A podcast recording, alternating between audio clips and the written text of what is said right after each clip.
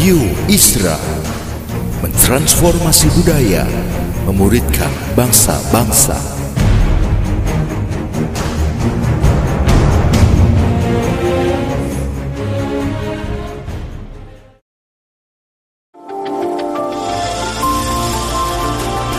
Voice of Pradaim menyuarakan paradigma kebenaran firman Tuhan yang esensi untuk memperlengkapi Anda menggenapi misi dan panggilan ilahi. Selamat mendengarkan.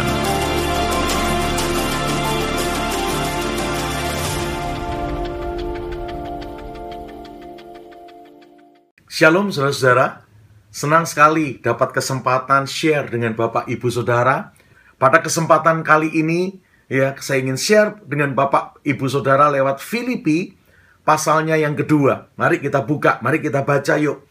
Kitab Filipi pasalnya yang kedua, mulai ayat yang ke-6 sampai dengan ayatnya yang ke-11. Mari kita baca firman Tuhan itu. Filipi 2 ayat yang ke-6 sampai dengan ayat yang ke-11. Yang walaupun dalam rupa Allah tidak menganggap kesetaraan dengan Allah itu sebagai milik yang harus dipertahankan melainkan ia telah mengosongkan dirinya sendiri dan mengambil rupa seorang hamba dan menjadi sama dengan manusia. Dan dalam keadaan sebagai manusia, ia, yaitu Tuhan Yesus kita, telah merendahkan dirinya dan taat sampai mati, bahkan sampai mati di kayu salib.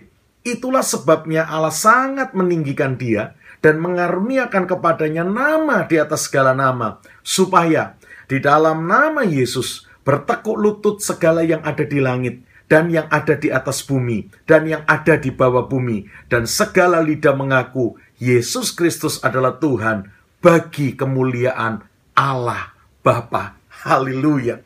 Ayat-ayat yang tidak asing ini ya saya berdoa memberkati kita semua. Saya berharap Anda sudah kenal ayat ini, Bapak Ibu. Kalau belum, baca lagi, renungkan lagi.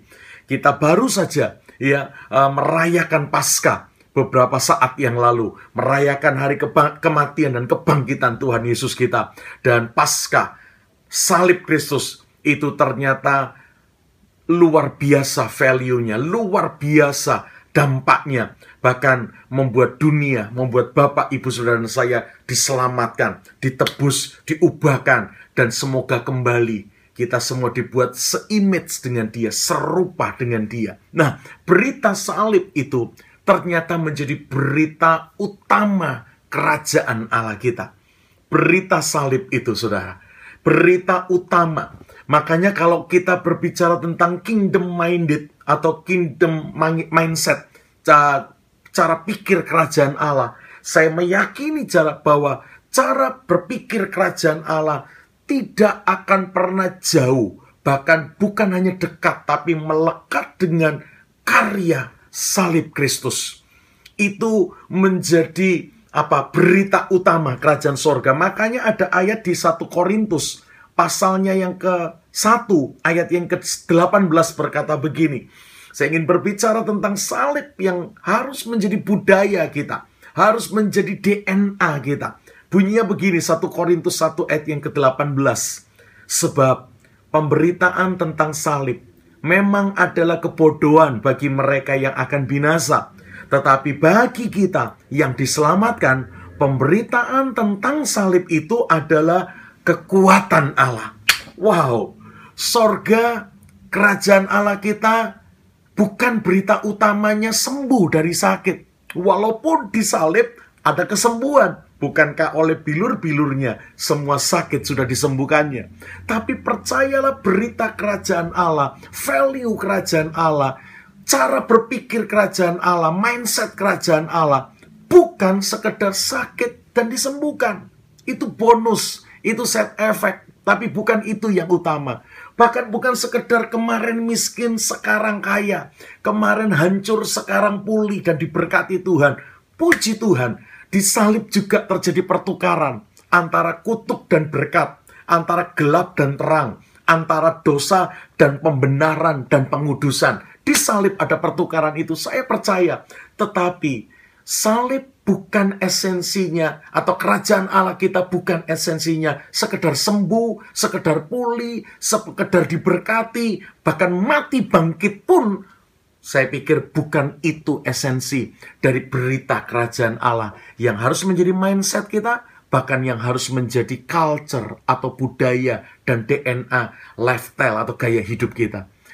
Berita kerajaan Allah yang paling utama adalah tentang salib Kristus tentang penderitaan Kristus. Bagaimana dia yang adalah Allah meninggalkan keilahiannya, tidak menganggap keilahiannya sebagai milik yang harus dipertahankan. Tetapi dia rela melepaskan semua. Dia turun ke dunia, mengambil rupa sebagai manusia, bahkan bukan sekedar manusia, tapi di bawah manusia normal, hamba, bahkan menyerahkan dirinya taat sampai mati di kayu salib taat sampai mati di kayu salib.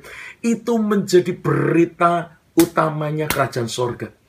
Sampai Tuhan Yesus pun berfirman kepada kita.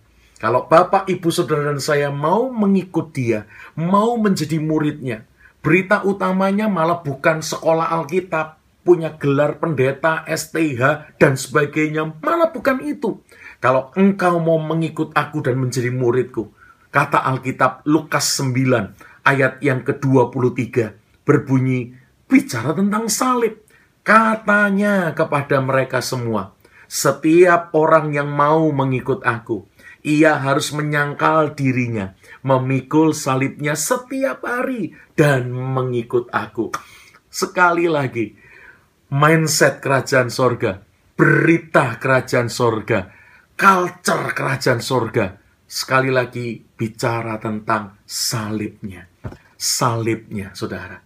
Ya, dan ini biar menjadi juga menjadi berita kita, menjadi mindset kita, menjadi budaya kita, menjadi DNA kita, menjadi gaya hidup kita, yaitu gaya hidup, mindset, budaya, DNA tentang salib Kristus. Yang ternyata buat orang yang akan binasa itu berita kebodohan. Itu katanya nggak ada artinya. Tetapi bagi orang yang diselamatkan, berita tentang salib Kristus adalah kekuatan Allah yang luar biasa.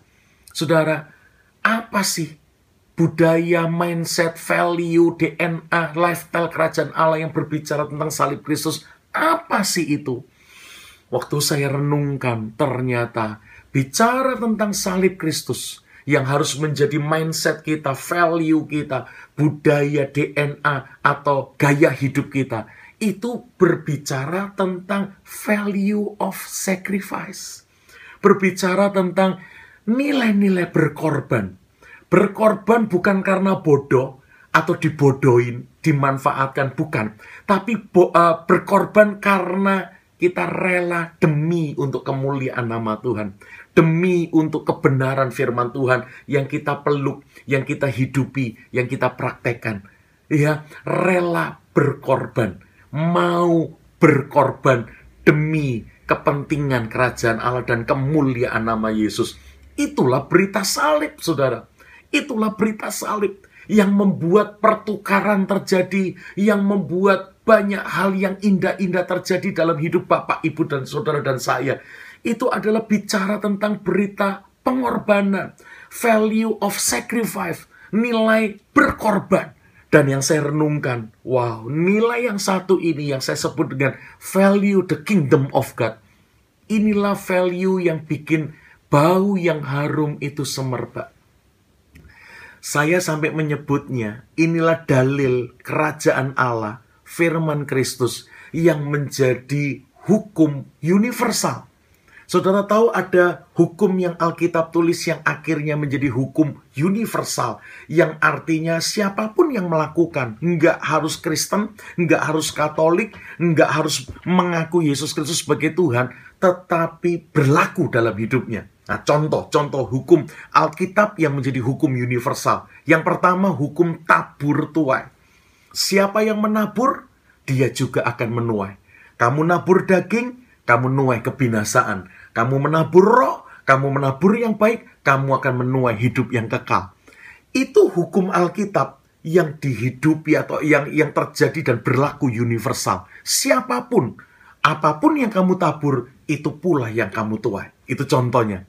Hukum Alkitab kedua yang menjadi hukum universal adalah siapa yang merendahkan dirinya, dia akan ditinggikan Tuhan.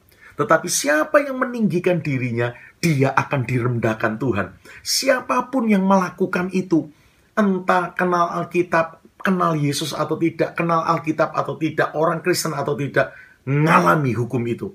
Kamu sombong, kamu arogan, kamu meninggikan diri, pasti akan punya pengalaman direndahkan. Tetapi kalau kita mau merendahkan diri, Tuhan akan meninggikan kita. Itu contoh hukum Alkitab kedua yang berlaku universal. Yang ketiga, hukum Alkitab ketiga yang berlaku universal adalah apa yang kamu remehkan dalam hidupmu. Apa yang kita nggak hargai dalam hidup kita, pasti akan hilang dalam hidup kita. Pasti akan diambil dalam hidup kita. Kadang-kadang kita meremehkan kunci, naruh sembarangan, ngeletakkan sembarangan. Wah, satu kali butuh, dicari satu rumah nggak ketemu.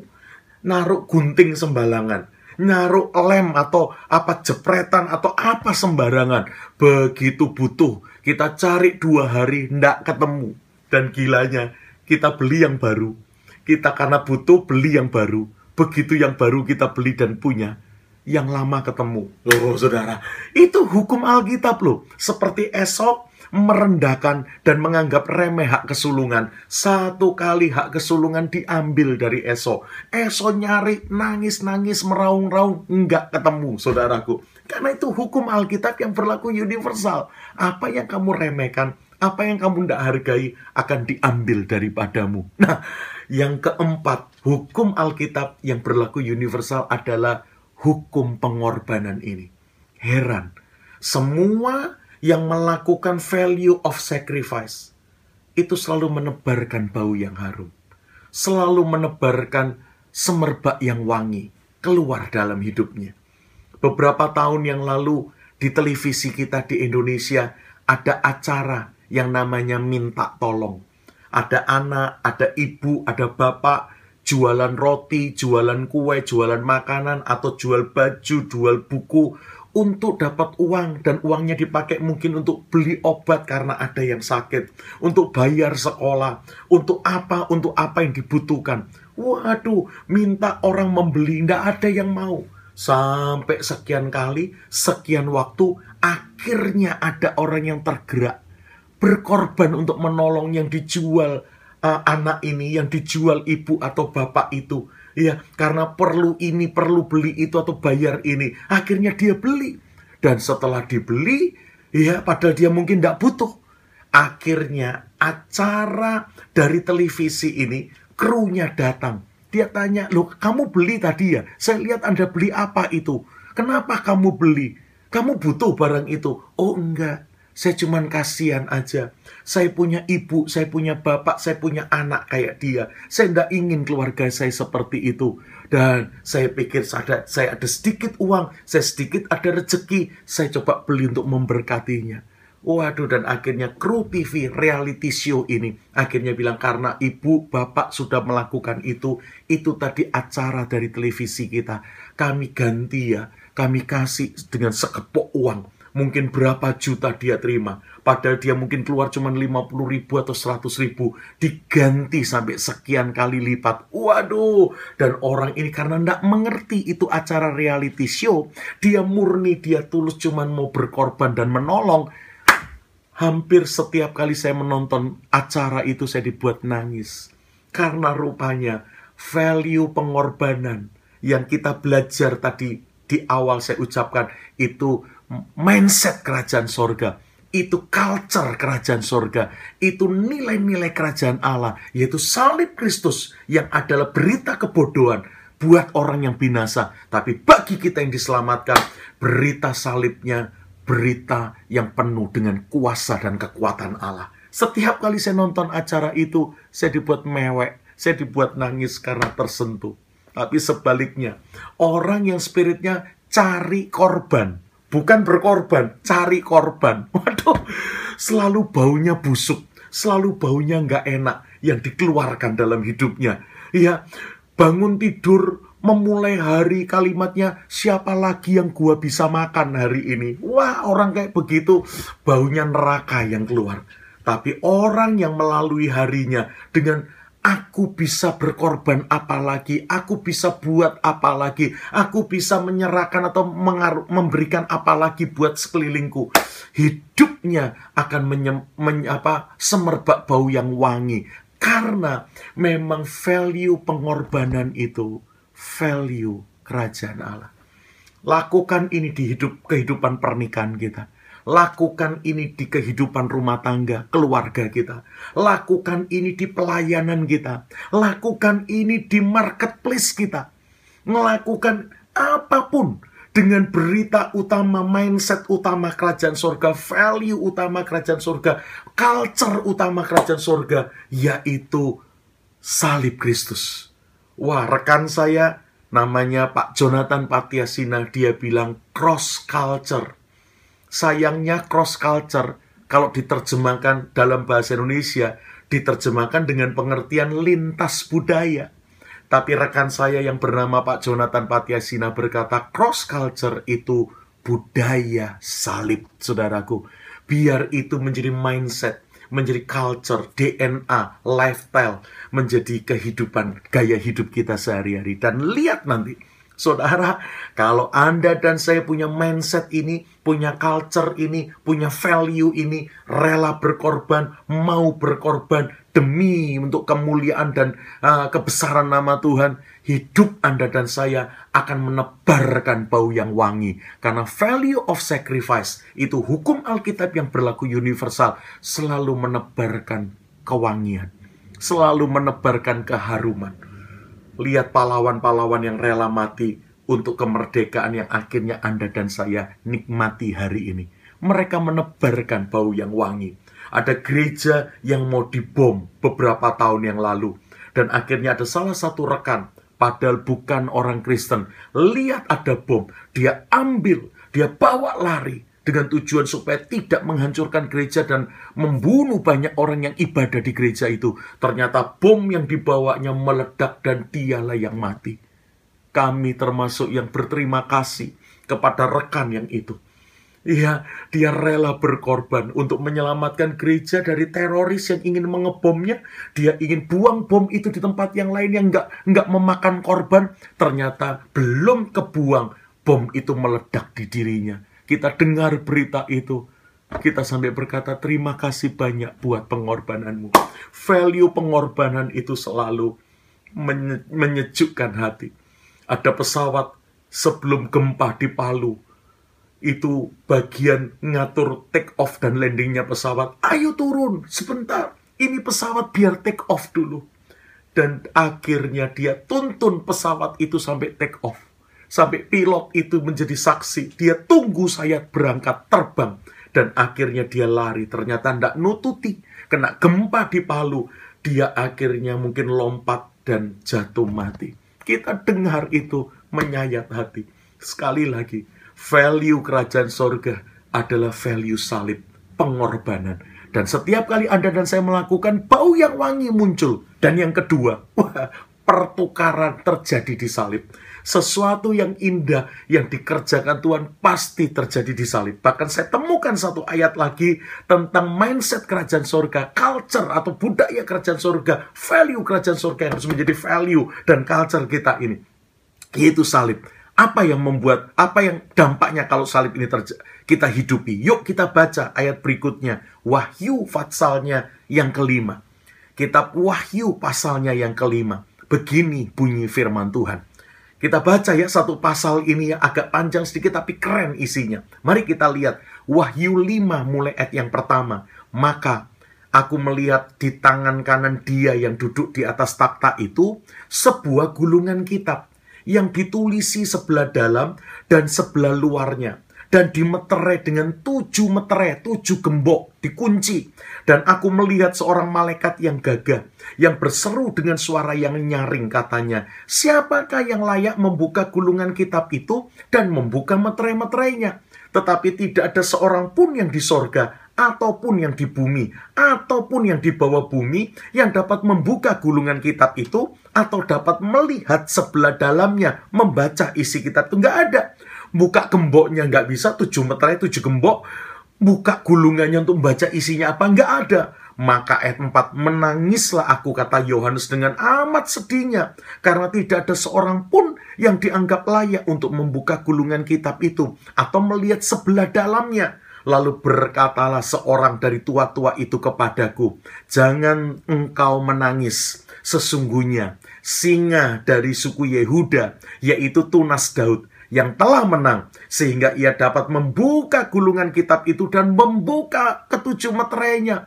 Jadi si Yohanes ini lihat ada gulungan kitab yang penuh dengan isi firman Allah, janji Tuhan, suara Tuhan. Dia ingin ngerti, dia ingin baca, dia ingin paham apa isinya. Tapi ternyata gulungan kitab ini dimeterai sama tujuh meterai, tujuh gembok. Nggak ada yang bisa membuka. Ditunggu di surga. Ditunggu yang di bumi. Bahkan yang di bawah bumi. Kok nggak ada yang bisa membuka? Yohanes nangis. Karena Yohanes tahu kalau kitab ini terbuka, kita bisa baca dan ngerti isinya penuh dengan janji Tuhan, penuh dengan dengan firman Tuhan, penuh dengan kemuliaan Tuhan buat kita. Tapi kok nggak ada yang buka nangis dia. Ketika Yohanes nangis, datanglah seorang tua-tua dan berkata, "Jangan nangis, Yohanes.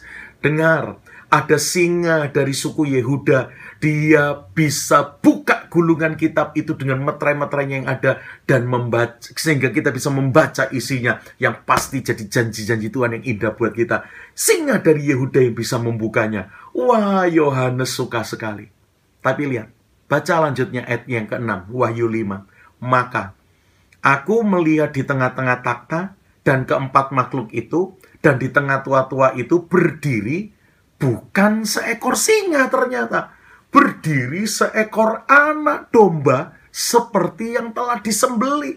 Bertanduk tujuh, bermata tujuh, itulah ketujuh roh Allah yang diutus ke seluruh bumi. Lalu datanglah bukan singa lagi, tetapi anak domba itu yang tersembeli itu dan menerima gulungan kitab itu dari tangan dia yang duduk di atas takhta itu. Ketika ia mengambil gulungan kitab itu, tersungkurlah keempat makhluk dan kedua puluh empat tua-tua itu di hadapan bukan singa, anak domba itu masing-masing memegang satu kecapi, satu cawan emas penuh dengan kemenyan. Itulah doa orang-orang kudus. Dan mereka menyanyikan suatu nyanyian baru katanya. Engkau layak menerima gulungan kitab itu dan membuka materai-materainya. Karena engkau telah disembeli dan oh, dengan darahmu engkau telah membeli mereka bagi Allah. Dari tiap-tiap suku, bahasa, dan kaum, dan bangsa. Dan engkau telah membuat mereka menjadi suatu kerajaan, menjadi imam-imam bagi Allah kita, dan mereka akan memerintah sebagai raja di bumi. Maka aku melihat dan mendengar suara banyak malaikat sekeliling takhta, makhluk-makhluk dan tua-tua itu. Jumlah mereka berlaksa-laksa dan beribu-ribu laksa. Katanya dengan suara nyaring, anak domba yang disembelih itu layak untuk menerima kuasa dan kekayaan dan hikmat dan kekuatan dan hormat dan kemuliaan dan puji-pujian. Dan aku mendengar semua makhluk yang di sorga dan yang di bumi dan yang di bawah bumi dan yang di laut dan semua yang ada di dalamnya berkata bagi dia yang duduk di atas takhta dan bagi anak domba adalah puji-pujian dan hormat dan kemuliaan dan kuasa sampai selama-lamanya. Dan keempat makhluk itu berkata, amin. Dan kedua, tua-tua itu jatuh tersungkur dan menyembah. Saudara lihat cerita ini. Mungkin banyak yang nggak ngeh baca Fatsal 5 Wahyu ini. Ketika gulungan kitab itu tertutup, ada tujuh gembok, tujuh meterainya. Nggak ada yang bisa buka. Yohanes nangis. Tahu-tahu dia dengar berita, jangan nangis ada singa dari Yehuda, the Lion of Judah. Dia pasti bisa buka meterai-meterainya dan membuka gulungan kitab untuk kita tahu isinya apa. Jangan nangis. Yohanes menyambutnya dengan sukacita. Tapi herannya, setelah itu, yang muncul bukan singa. Yang muncul anak domba yang tersembelih. Bahkan sampai ayat terakhir, ayat 14, tidak ada singa yang muncul. Anak domba terus anak domba yang tersembelih terus yang muncul. Wow. Ini kalau nonton, saudara nonton beli tiket bioskop, mau nonton Batman, begitu kita masuk, loh yang keluar kok Spider-Man, saudara kok. Yang keluar kok Kapten Amerika. Apa ndak salah film ini, ndak salah studio. Kita belinya film Batman. Lah kok yang keluar yang lain. Kira-kira kayak begitu. Katanya singa dari suku Yehuda. Ternyata bukan anak domba yang tersembelih yang keluar dan bisa membuka materai-materai yang ada, gembok-gembok yang ada, membuka gulungan kitab dan memberitakan isinya janji-janji Allah buat kita. Saudara, value, mindset, budaya, DNA, lifestyle kerajaan surga itu salib.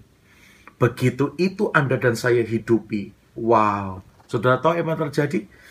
Bukan cuman kita dibuat menyebarkan bau harum karena value pengorbanan itu selalu menebarkan bau harum. Yang kedua, salib selalu membuat pertukaran terjadi. Era perjanjian lama berhenti, era perjanjian baru dibuka di salib. Gelap dibentikan, diganti dengan terang yang ajaib. Dosa berhenti, diganti dengan pembenaran dan pengudusan. Kutuk berhenti, diganti dengan berkat. Salib selalu menghasilkan pertukaran. Bahkan di sini Wahyu 5, salib membuat apa yang terkunci, apa yang tertutup dibuka Tuhan. Apa yang belum disingkapkan diwahyukan Tuhan. Wah, saudara, salib itu membuat kita bakal akhirnya jadi singa yang memerintah, yang bertakhta di kerajaannya. Tapi kuncinya bukan jadi singa yang gigit dan nyakarin orang, bukan, tapi jadi anak domba yang tersembelih. Saudara, waktu saya baca ini, Makanya Tuhan bilang kalau mau jadi muridku, bukan kebaktian terus tiap hari, bukan doa terus tiap hari sampai tidak kerja, sampai tidak ngurus keluarga, bukan saudara, wong Tuhan ngajar kita prayer without ceasing atau berdoa tanpa henti, tapi bukan melulu kebaktian, melulu doa yang isinya cuma ritual, bukan. Tetapi esensi kerajaan surga, kalau kita hidupi value of sacrifice, kita hidupi salib Kristus dalam hidup kita.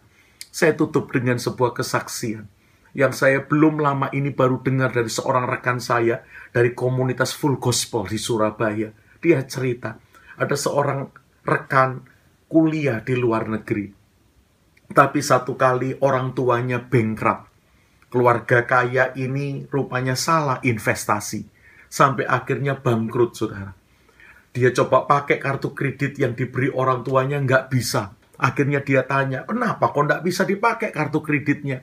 Si ibu, si bapak ini akhirnya cerita ke anak, kami salah investasi, kami rugi besar. Sorry ya, sorry tapi kami berusaha kamu tetap bisa kuliah dan menyelesaikan kuliahmu di luar negeri. Tapi si anak ini berkata, enggak, aku mesti pulang. Kalau papa mama lagi ada masalah, bahkan masalah keuangan, aku pulang aja. Jangan kamu tetap memeras keringat, bahkan meneteskan darah, cuman supaya aku selesai kuliah. Dia akhirnya memutuskan pulang untuk menolong keluarganya. Dia tidak mau jadi beban di kondisi yang tidak baik yang terjadi atas orang tuanya dan investasi orang tuanya yang salah yang bikin banyak hal hilang. Akhirnya dia pulang, saudara. Ya, dia pulang ke, ke negerinya. Dia coba lihat apa yang terjadi dengan orang tuanya. Ternyata, waduh, orang tuanya punya hutang jadi begitu banyak karena investasinya yang salah. Lalu rekan ini berkata, Papa Mama masih punya ada duit nggak?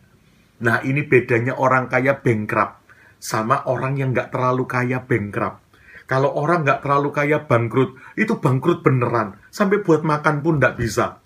Tapi kalau orang kaya raya bankrupt, itu kemarin hartanya dimakan tujuh turunan nggak habis, sekarang sisa setengah turunan. Lumayan, saudaraku masih bisa makan. Bahkan rekan ini berkata, saya itu selama ada di luar, saya juga belajar beternak ikan koi katanya. Mama papa masih punya dana berapa? Saya boleh pakai enggak untuk coba beternak ikan koi? Dengan warna, dengan corak-corak yang semoga diminati yang langka dan diminati banyak orang. Dan dengan sisa uang yang ada, dia coba pakai untuk beternak ikan koi ini. Sampai memunculkan warna, sampai memunculkan corak yang sangat khas, yang extraordinary, yang tidak biasa ditemukan di ikan koi yang lainnya. Bahkan saya dengar dalam kesaksian itu, karena dia sedang memakai sisa uang dari keluarga yang sudah tidak banyak. Dan hutang mungkin masih ada. Akhirnya dia berkata, Semoga ini menghasilkan jawaban untuk masalah keuangan keluarga yang lagi ada di lembah kekelaman ini. Ya, dan dia sampai kerja 20 jam sehari. Dia cuma tidur 4 jam sehari. Cuma ingin terus belajar, menyelidiki sampai menghasilkan koi-koi dengan warna dan corak yang luar biasa. Dan setelah sekian waktu, Saudara, rupanya dia memang menuju ada sebuah pameran di Eropa untuk menjual salah satunya ikan koi ini. Ya, dengan sisa uang yang ada, dia berangkat ikut pameran di luar negeri, di Eropa. Sekali lagi bedanya orang kaya raya bangkrut dengan orang yang cuman kaya bangkrut di situ. Ini masih ada bisa ikut pameran di luar negeri, bisa ikut acara di Eropa, saudara, dan masih punya dana untuk nyoba usaha yang baru. Dan akhirnya dia atur semua. Nah, untuk membawa ikan koi, ikan koi yang khas ini, dia hubungin sahabatnya yang dia dengar juga mau ikut pameran di Eropa ini. Tolong aturkan pengiriman ikan koiku. Dan lewat sahabatnya ini diaturkan semua. Berangkatlah mereka ke Eropa. Saudara, ternyata sahabatnya ini ingin hancurkan dia sahabatnya ini orang Chinese bilang ingin ngeciak dia, ingin habisin dia. Sampai di Eropa tempat pameran berlangsung, dia tunggu ikan koinya, kok nggak datang-datang. Dia tunggu ikan koinya, dia hubungin sahabatnya, gimana ngirimmu, kok belum datang. Ternyata sahabatnya berdali, beralasan macam-macam, minta maaf. Ternyata sampai hari pameran berlangsung, ikan koinya belum datang, saudara.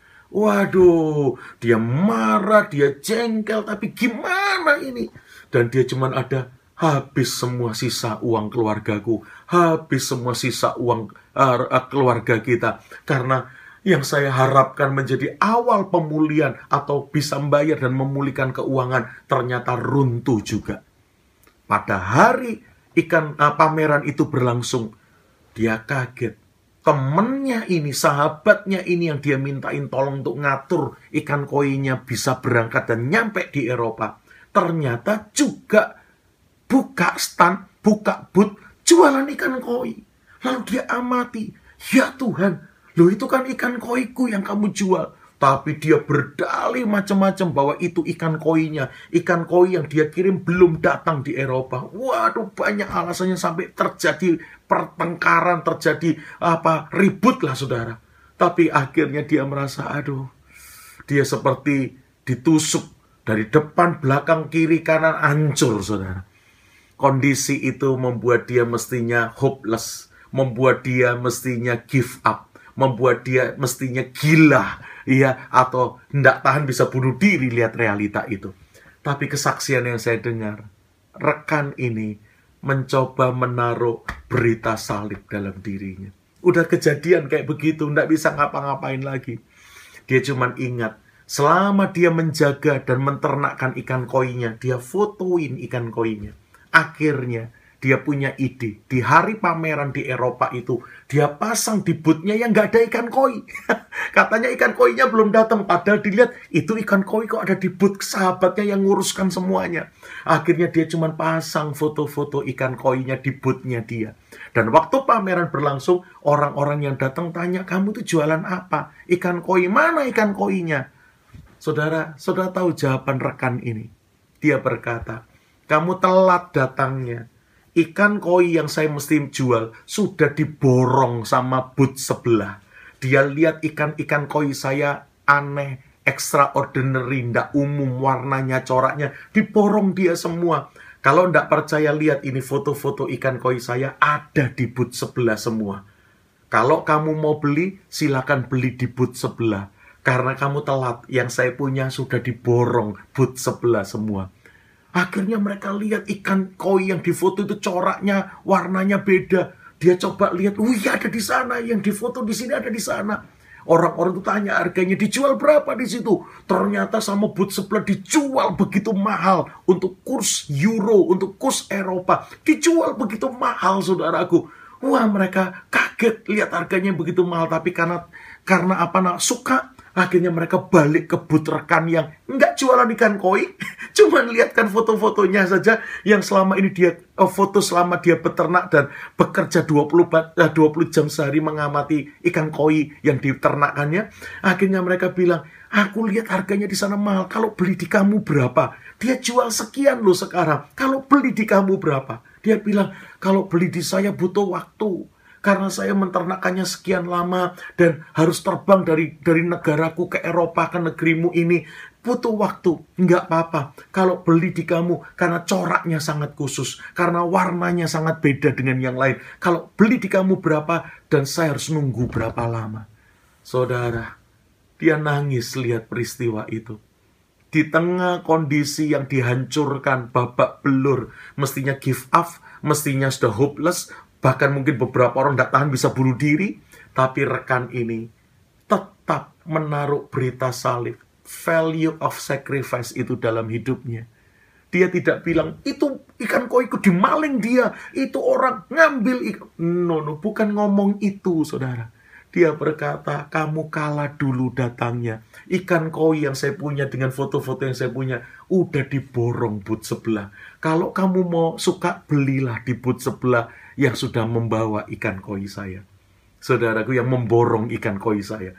Mereka datang lihat, ditanya harganya kok mahal, nggak jadi beli di situ balik. Kalau beli di kamu berapa? Dan kalau aku pesen di kamu beli di kamu mesti nunggu berapa lama untuk kamu kirim mungkin ke negara kita yang ada di Eropa ini. Ternyata yang di luar dugaan orang-orang ini mau nunggu dan tetap mau membeli lewat dia karena toh lebih murah. Karena dia tahu dijual begitu begitu mahal di situ. Akhirnya dia jual dan wow saudara dia cerita itu menjadi awal pemulihan finansial keluarganya. Dipecundangi, dikianati, ditusuk dari depan, belakang, kiri, kanan, atas, bawah. Tapi kalimatnya, reaksinya, responnya tetap keren. Dan dia pulang ke negaranya. Dia ternakkan dengan sisa uang yang mungkin masih ada. Apalagi dia udah dapat DP itu dari luar negeri. Dia coba kerjakan. Sampai akhirnya kalau tidak salah orang-orang me menyebutnya kamu raja atau ratu koi. Karena lewat inilah pemulihan terjadi di keuangan dan perdagangan keluargamu. Apa itu? Berita salib. Apa itu? Value of sacrifice. Jadikan ini mindset kita. Jadikan ini budaya kita. Jadikan ini DNA kita. Gaya hidup kita. Nanti lihat. Sesuatu yang wangi akan tersebar di sana. Pertukaran yang indah akan terjadi di salib Kristus. Dan salibnya membuka yang tergembok, yang terkunci, yang termeterai, terbungkak semua. Tuhan bongkar semua. Tuhan wahyukan semua, singkapkan semua, curahkan semua. Sehingga akhirnya, wow, dari darah anak domba yang tersembelih, duduklah singa dari Yehuda di atas takhta. Untuk mencapai takhta singa itu bukan menggigit, mencakar, no. Tapi untuk duduk di atas takhta, singa itu awalnya domba yang tersembelih. Bapak Ibu, Semoga sharing ini, apalagi kita baru memperingati Paskah, menjadi value yang kita kerjakan di semua area kehidupan kita. Kerjakan ini di pernikahan kita. Nilai-nilainya siap berkorban. Bukan cari korban, tapi rela dan siap berkorban untuk kemuliaan nama Tuhan. Sesuatu yang wangi akan muncul. Pertukaran yang indah akan muncul. Bahkan apa yang terkunci dan tertutup akan dibuka Tuhan, akan dilepaskan Tuhan, akan disingkapkan Tuhan buat kita. Wow, selamat datang di budaya, di value, di DNA, di mindset kerajaan sorga yang berbicara tentang salibnya. Haleluya, Tuhan memberkati saudara semua. Amin.